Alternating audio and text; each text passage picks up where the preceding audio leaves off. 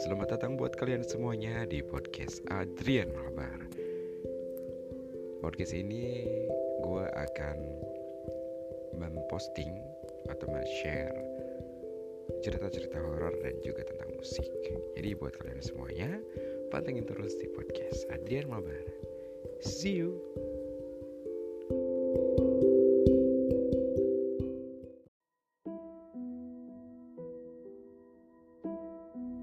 Halo sobat semuanya. Gue Adrian. Di episode perdana kali ini Gue akan menceritakan Kejadian mistis Yang dialami oleh kakak gue sendiri. Inilah dia Cerita horor Kisah nyata.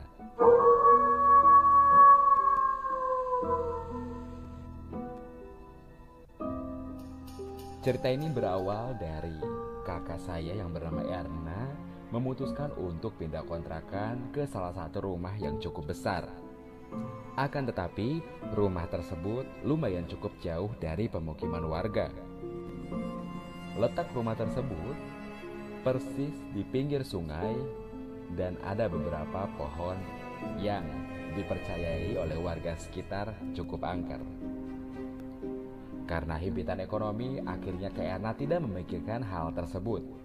Kayana tetap memilih rumah tersebut dikarenakan rumah tersebut cukup luas dan cukup untuk keluarganya.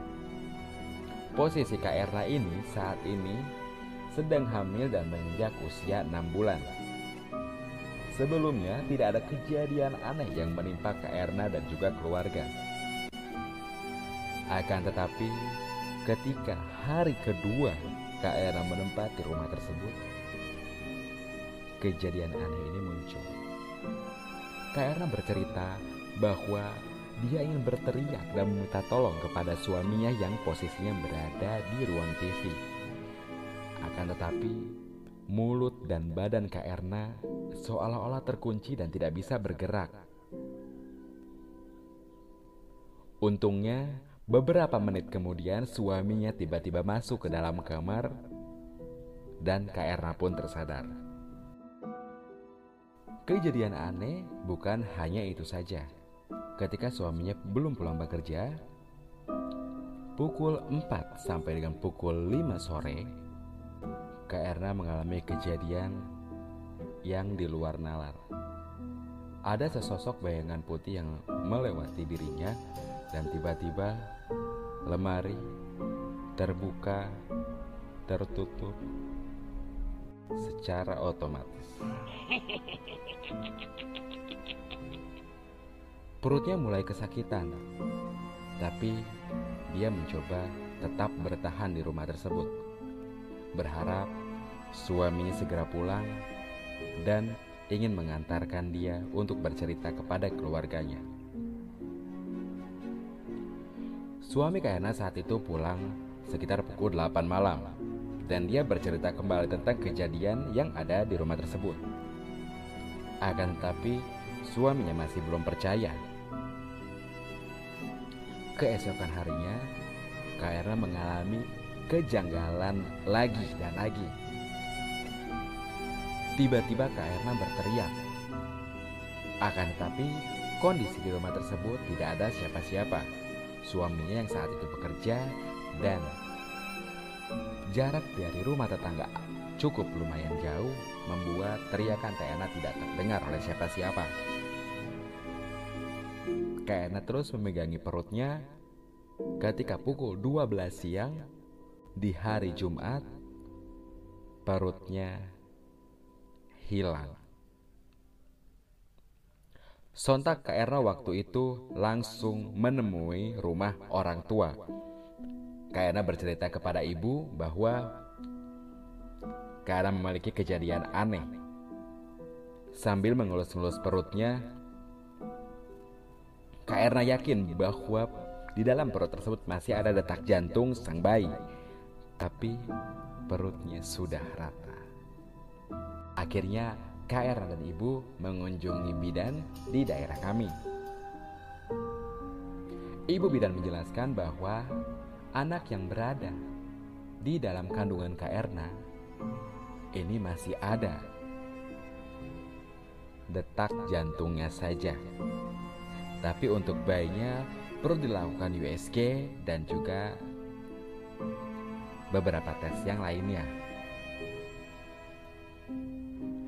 Melihat sekilas perut Kak Erna, bidan tersebut tidak percaya bahwa usia kandung Kak sudah menginjak 6 bulan. Tapi Kak bercerita bahwa tiba-tiba di pukul 12 siang perut Kak mengecil. Dan Kak pun bergegas untuk pulang ke rumah ibu terlebih dahulu.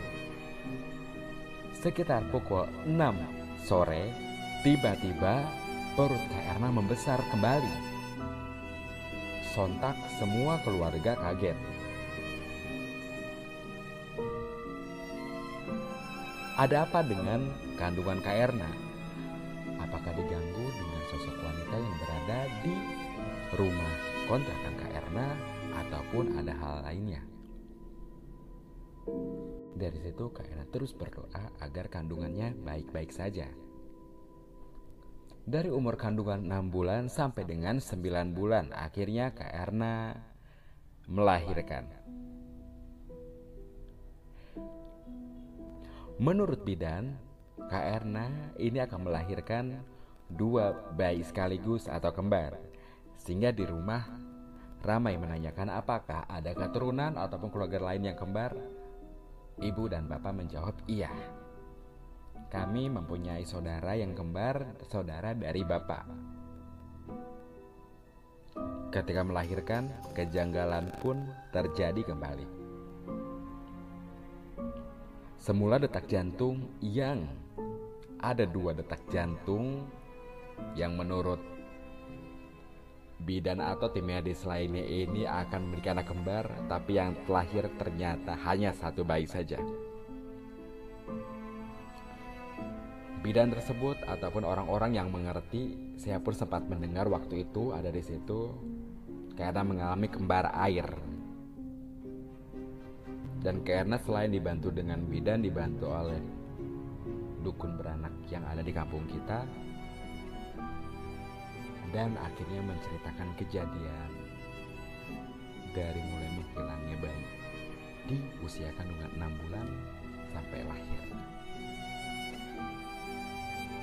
Banyak orang mempercayai bahwa bayi tersebut akan bisa mengobati orang-orang sakit sudah. Nah, orang-orang sakit ketika nanti sudah beranjak dewasa atau opsi kedua, KRNA yang akan memiliki indera keenam.